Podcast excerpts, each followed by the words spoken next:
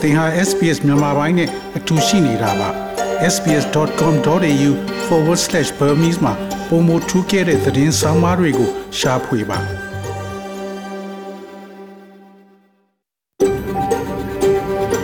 SBS A world of difference You're with SBS Burmese on mobile, online and on radio mobile online နဲ့ radio ပေါ်မှာသင်ဟာ SPS မြန်မာပိုင်းနဲ့အ တူရှိနေတာဖြစ်ပါတယ်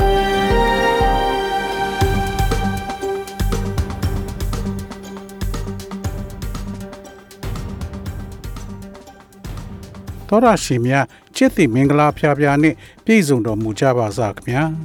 ဒီနေ့ဒီဇင်ဘာလ14ရက်အင်္ဂါနေ့မြန်မာပိုင်းစီစဉ်များကို SPS Radio မှစတင်တန်လွှင့်နေပါရခင်ဗျာ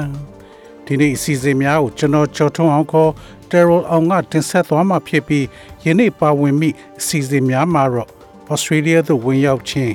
သင်ယူဆောင်လာနိုင်သော အရာများဆိုတဲ့ဆောင်းပါး cryptocurrency ဆိုတာဘာလဲအဲ့ဒီမှာယင်းနှိမြုပ်နှံသင်လားဆိုတဲ့ဆောင်းပါးအတော်နှုံနှိမ့်ချနေတာကသင်စူပါကိုဘလို့သက်ရောက်မှုရှိစေလဲဆိုတဲ့ဆောင်းပါးတို့ဖြစ်ပြီးဒီနေ့ခေါင်းကြီးပိုင်းသတင်းတွေကတော့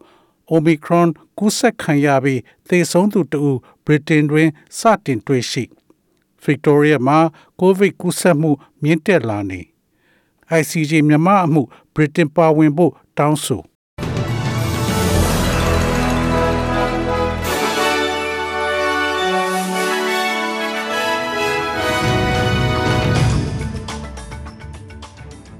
ယခုချိန်ကစပြီးသတင်းများကို ကျွန်တော်ကြော်ထုတ်အောင်ကစတင်ဖတ်ကြားပါတော့မယ်။ Omicron ကူးစက်ခံရပြီးသေဆုံးသူတဦးဗြိတိန်မှာစတင်တွေ့ရှိဗြိတိန်နိုင်ငံမှာ coronavirus ဗီဇပြောင်းမျိုးကွဲသစ် Omicron ကူးစက်ခံရသူတဦးပထမဆုံးသေဆုံးခဲ့ပါတယ်။ဗြိတိန်နိုင်ငံမှာ Omicron ကူးစက်ခံရမှုအသစ်တွေတိုးလာနေမှုကိုရင်ဆိုင်နေရကြောင်းဝန်ကြီးချုပ် Boris Johnson ကနိုင်ငံကိုပြောတဲ့ရုပ်သံမိန့်ခွန်းမှာသတိပေးခဲ့ပြီးနောက်တနင်္လာနေ့မှာပဲသေဆုံးမှုကိုကြေညာခဲ့တာဖြစ်ပါတယ်။ Omicron ကူးစက်မှုနဲ့အနည်းဆုံးလူနာတဦးသေဆုံးခဲ့ရပြီးဖြစ်ကြောင်းဝန်ကြီးချုပ် Boris Johnson ကလန်ဒန်ကကာဝယ်ဆေးထိုးစင်တာတစ်ခုမှာသတင်းထောက်တွေကိုပြောဆိုခဲ့ပါတယ်။နှစ်သက်ကူးညဒီဇင်ဘာလ31ရက်အရောက်မှာဗြိတိန်ကလူတိုင်း COVID-19 ကာဝယ်ဆေး တတိယတစ်လုံးထပ်ပြီးထိုးနှံရေးလှုပ်ရှားမှုကိုလည်းအစိုးရကစတင်လိုက်ပြီးဖြစ်ကြောင်းဝန်ကြီးချုပ် Boris Johnson ကကြေညာပါတယ်။နိုင်ငံတော်မှာကာဝယ်ဆေးထိုးနှံရေးစင်တာတွေထူထောင်ရေးအတွက်စစ်တပ်စီမံရေးအဖွဲ့40ကျော်ကို နိုင်ငံတော်မှာချထားမဲ့အကြောင်းနဲ့လူတရက်ကိုလူတသန်းကာကွယ်ဆေးထုံးနှံရေးရည်မှန်းချက်ပြည့်မီရေးကူညီဆောင်ရွက်ဖို့အတွက်အထွေထွေယောဂကိုဆရာဝန်တွေအနေနဲ့ပုံမှန်ဆေးစစ်ဖို့ရချိန်ပေးတာကိုရပ်ဆိုင်းထားဖို့လည်းညွှန်ကြားထားကြောင်းဝန်ကြီးချုပ်ကပြောဆိုသွားပါတယ်။ Victoria မှာ COVID ကူးစက်မှုမြင့်တက်လာနေ Victoria သည် COVID-19 ကူးစက်မှုအသစ်1189ခုနှစ်နောက်ထပ်သေဆုံးသူ6ဦးကိုမှတ်တမ်းတင်ခဲ့ပါတယ်။ COVID-19 ဖြင့်ဆေးရုံတက်ကုသခြင်းသည်တလနီးပါးအတွင်းအမြင့်ဆုံးအဆင့်သို့ရောက်ရှိခဲ့ပြီးတရက်လျင်လူနာ40ကျော်364ဦးအထိတိုးလာခဲ့ပါတယ်။ဆေးရုံတွင် လူနာ80သည်အထူးကြပ်မတ်ကုသဆောင်တွင်ရှိပြီး44ဦးသည် ventilator ဖြင့် ကူညီပေးနေရပါတယ်။ခုနှစ်ရက်ကြာဆေးရုံတက်ရသူပြတ်မြတ်329ဦးရှိပြီးတင်းနှင်းနာနေ့မှာ15ဦးထပ်မံမြင့်တက်လာပါတယ်။ ICJ မြန်မာအမှု Britain ပါဝင်ဖို့ Burma Campaign UK တောင်းဆိုအပြည်ပြည်ဆိုင်ရာတရားရုံးမှာတင်ထားတဲ့ရိုဟင်ဂျာလူမျိုးတုံးတပ်ဖြတ်မှုမှာပူပေါင်းပါဝင်ကြောင်းကြေညာဖို့ဗြိတိန်နိုင်ငံသားရေးဝန်ကြီးကို Burma Campaign UK အဖွဲ့ဝင်များကတောင်းဆိုလိုက်ကြပါတယ်။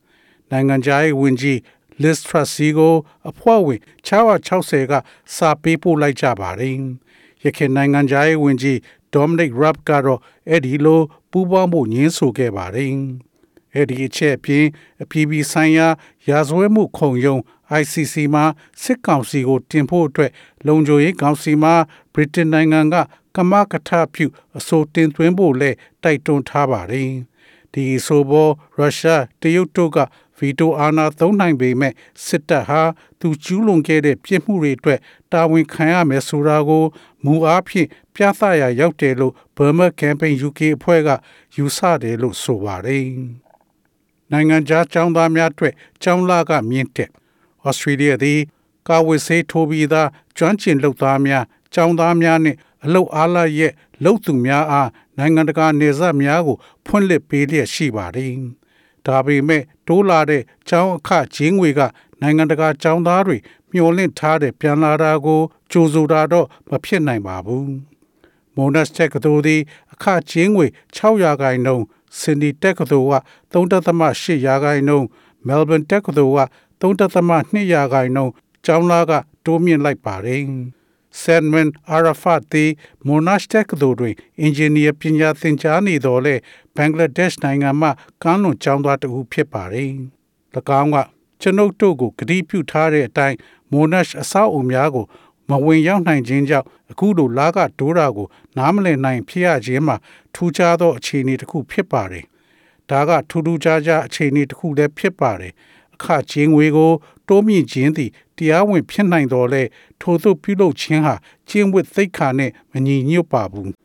။စာသင်ကျောင်းအတွင်းတပ်ဆွဲထားတဲ့စစ်ကောင်စီတပ်ကို PDF များဝင်တိုက်စစ်သား၄ယောက်သေဆုံး။မြင်းချံခရိုင်တောင်သာယာမြို့နယ်မင်္ဂလာဦးရပ်ကွက်စာသင်ကျောင်းအတွင်းတပ်ဆွဲထားတဲ့စစ်ကောင်စီတပ်ကိုဒီဇင်ဘာလ12ရက်နေ့နံနက်ပိုင်းတွင် တိုက်ခိုက်ခဲ့ရာစစ်ကောင်စီတပ်သား၄ဦးသေဆုံးကြောင်းဒေသကာကွယ်ရေးတပ်ဖွဲ့7 People Defense Force မှဗိုလ်မှူးတူကပြောဆိုပါတယ်။ညီနောင်မဟာမိတ်တပ်ဖွဲ့၄ဖွဲ့ပေါင်းပြီးစာတင်ကျောင်းမှာတပ်ဆွဲထားတဲ့စစ်ကောင်စီတပ်ကိုလက်နက်ကြီးတွေနဲ့အရင်ပစ်တယ်။အဲ့ဒီနောက်လက်နက်ငယ်နဲ့ထပ်ပစ်တယ်။စစ်တပ်ကလည်းအထဲကပြန်ပစ်တယ်။စစ်သား၄ဦးနဲ့ ပြူစော်ဒီတဦးသေးတယ်ဟု၎င်းကမစ္စမကိုပြောဆိုပါတယ်။ SBS SBS SBS SBS SBS This is SBS Radio.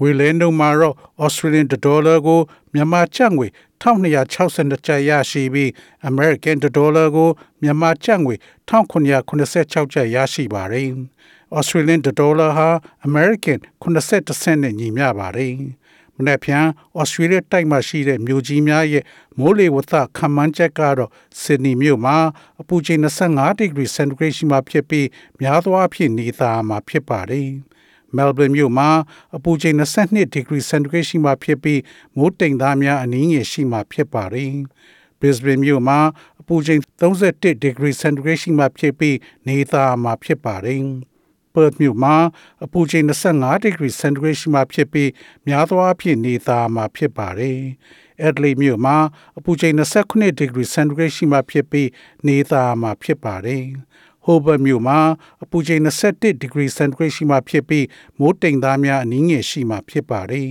။ Canberra မြို့မှာအပူချိန်29 degree centigrade ရှိမှဖြစ်ပြီးမိုးတိမ်သားများအနည်းငယ်ရှိမှဖြစ်ပါတယ်။ Darwin မြို့မှာအ ပူချိန်35 degree centigrade ရှိမှဖြစ်ပြီးမိုးတိမ်သားများအနည်းငယ်ရှိမှဖြစ်ပါတယ်။ဤတွင်သတင်းများကိုကြီးညာလို့ပြီးပါပြီခင်ဗျာ။